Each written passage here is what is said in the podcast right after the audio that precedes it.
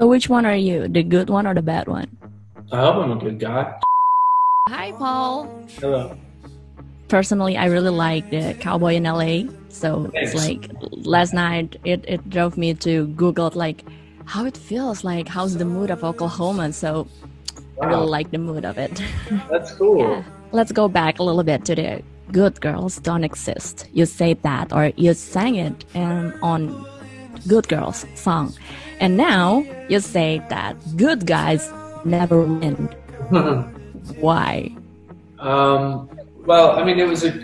I, I knew that we had a song called "Good Girls." that the two are not necessarily connected, other than the fact that it's kind of cool that both exist, the songs, anyways. But I mean, look, I do believe that ultimately, in the end, good guys win. I mean, I'd like to think that I'm a good guy, and I'm certainly gonna, not going to stop being a good person because I want to get ahead in life. But I do think, if we're all honest with ourselves, a lot of times, like good people get taken advantage of, you know, and it's often like, especially in a relationship, oftentimes when you give so much, it's almost like the more you give, the less you get in return.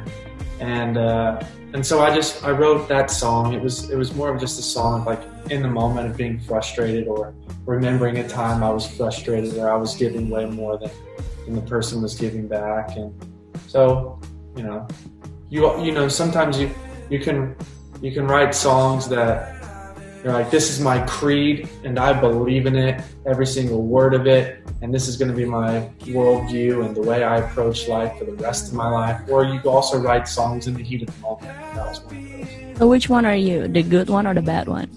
I hope I'm a good guy. Try to be a good guy. That's how I'm wrong.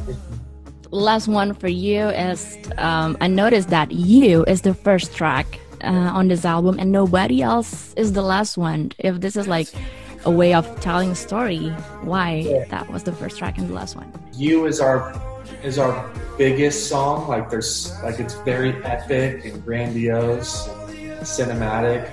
Nobody else is basically just me and like a acoustic ukulele guitar kind of hybrid and it's a it's it's amazing because the album starts like at this huge massive high it's like at peaks and valleys and then it ends like at this really like beautiful landing spot so that was definitely on purpose Okay. Thank you, Paul.